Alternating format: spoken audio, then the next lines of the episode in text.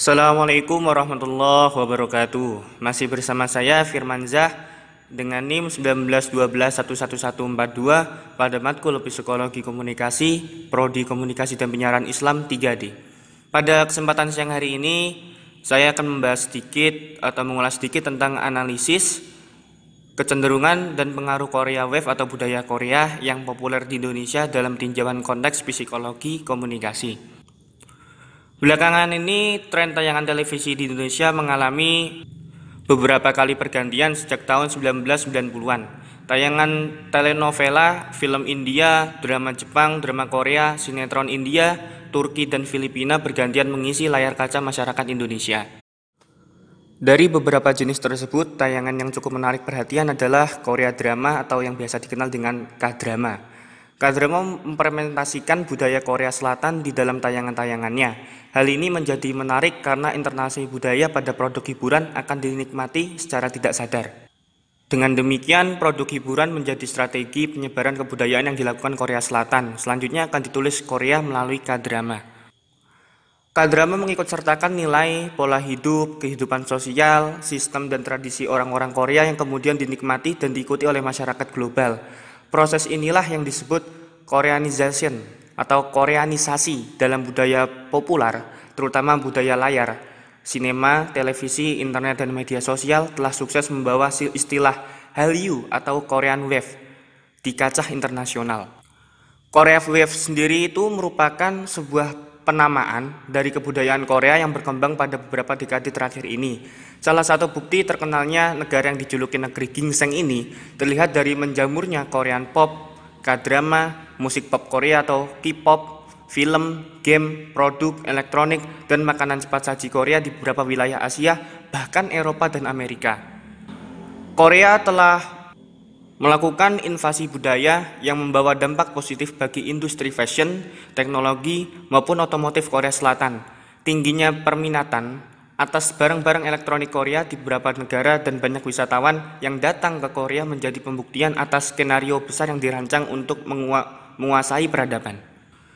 Di Indonesia sendiri, budaya Korea ini telah lama menjiwai anak-anak muda khususnya anak muda di Indonesia yang mana kita bisa melihat banyak anak muda yang suka tentang e, halnya K-pop, musik-musik Korea, budaya Korea, style rambut bahkan ya style rambut Korea dan juga bahkan film yang dirasa tertarik, contohnya film percintaan. Itu dari e, golongan anak-anak muda atau anak-anak tren zaman sekarang itu lebih mensukai film Korea yang berbasis cinta ya itu ya Korea drama itu drakor, drama Korea. Seperti itu. Kemudian pengertian psikologi komunikasi. Sebelum kita membahas lebih lanjut, perlu kita ketahui arti dan maksud dari psikologi komunikasi itu sendiri. Dalam kacamata psikologi, komunikasi dianggap sebagai perilaku, baik itu bersifat manusiawi, menarik, serta melibatkan banyak orang di sebuah situasi. Psikologi secara tajam mengupas diri kita sebagai pelaku komunikasi dan komponen komunikasi lainnya Penyatuan keduanya melahirkan psikologi komunikasi yang berusaha untuk memahami, menjelaskan, dan memprediksi bagaimana pikiran, perasaan, dan tindakan manusia dipengaruhi oleh manusia lain. Setelah kita mengetahui pengertian dari psikologi komunikasi, perlu kita ketahui lagi bahwa untuk menganalisa kecenderungan pengaruh budaya Korean Wave dalam tinjauan psikologi komunikasi, kita perlu mengetahui beberapa teori-teori psikologi komunikasi yang akan digunakan sebagai acuan antara lain sebagai berikut. Yaitu yang pertama tentang pembahasan teori kultivasi atau cultivation theory. Teori yang dicetuskan oleh George Gebner ini mengasumsikan bahwa media massa khususnya televisi merupakan media yang paling ampuh untuk menanamkan ideologi kepada khalayak yang mana kita bisa melihat bahwasannya media massa adalah sarana utama di mana kita belajar tentang masyarakat dan kultur dan melalui kontak kita dengan media massa kita belajar tentang dunia, orang-orangnya, nilai-nilainya serta adat kebiasaannya. Persepsi tentang dunia ciptaan media massa terbentuk melalui lingkungan simbi simbiolis dan sebagai alat untuk menelaahnya, seperti halnya dengan kebudayaan Korea atau Korea Wave yang telah menjamur di beberapa daerah Korean Wave dalam hal ini sekarang berperan sebagai media yang ampuh untuk menanamkan ideologi dan paham kepada halayak yang disalurkan dengan perantara media massa yang berkembang sekarang ini, seperti halnya televisi, platform YouTube, Instagram, Twitter, dan lain-lain sebagainya. Korean Wave sendiri, budaya Korea ini bisa menjadi alat yang jitu untuk menebarkan pengaruh mereka kepada khalayak umum, mulai dari segi bahasa, fashion, busana, kebiasaan, dan hal-hal yang lainnya. Banyak dari kita yang realitanya sekarang ini uh, telah mengikuti budaya mereka yang kita anggap sebagai tren masa kini. Anak-anak muda yang khususnya kita bisa melihat sekarang, mereka dari banyak mereka ada beberapa orang yang sangat terlalu over dalam men, apa ya dalam mencintai atau mensukai dari budaya Korea ini.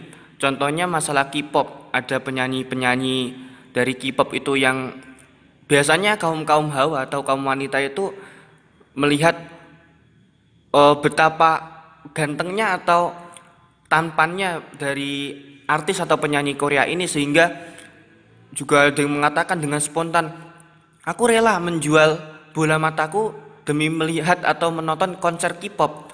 Ya seperti itu contohnya. E, mereka terlalu berpikiran bahwasanya apa yang telah uh, yang menjadi tren sekarang ini yaitu tren tentang budaya Korea seperti halnya drakor, K-pop dan lainnya itu itu mereka anggap sebagai sebagai budaya yang wah atau gue banget begitu di dalam dirinya.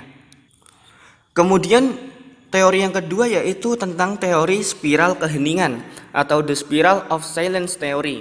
Pertama kali digagas oleh Elizabeth Naulen Naumann pada tahun 1974.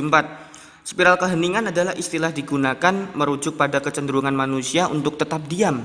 Kecenderungan ini terlihat ketika mereka merasa bahwa pandangan mereka bertentangan dengan pandangan mayoritas.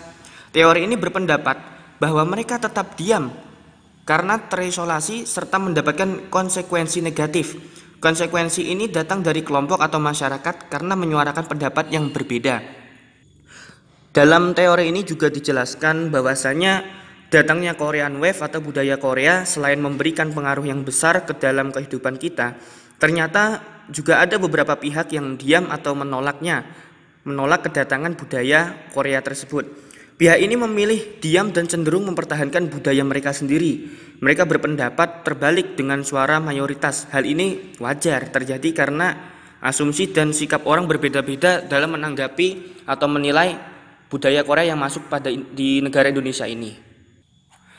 Dari beberapa kesimpulan yang di atas yang bisa kita ambil yaitu eh, dari beberapa uraian yang kita bahas dapat kita simpulkan bahwa jenis komunikasi yang mereka gunakan dalam menyebarkan budaya Korean Wave atau budaya Korea adalah komunikasi massa. Dengan komunikasi massa, mereka bisa dengan cepat dan masif menebarkan budaya mereka melalui saluran media, televisi, dan platform media sosial seperti halnya YouTube, Instagram, Twitter, dan platform renting atas lainnya. Dengan komunikasi massa, Budaya Korean Wave merupakan psikologi kita masing-masing baik dalam persepsi personal atau masa yang besar. Sikap dan perilaku kita menjadi berubah semenjak dikenalkan dengan budaya mereka. Yang semulanya kita biasa-biasa saja terhadap style busana kita, style rambut kita, ataupun kebiasaan makan-makan kita yang biasa sederhana berubah drastis karena halnya kita melihat khususnya anak muda yang mudah terpengaruh ketika melihat suatu hal yang menarik yang dianggap tren e, zaman sekarang itu.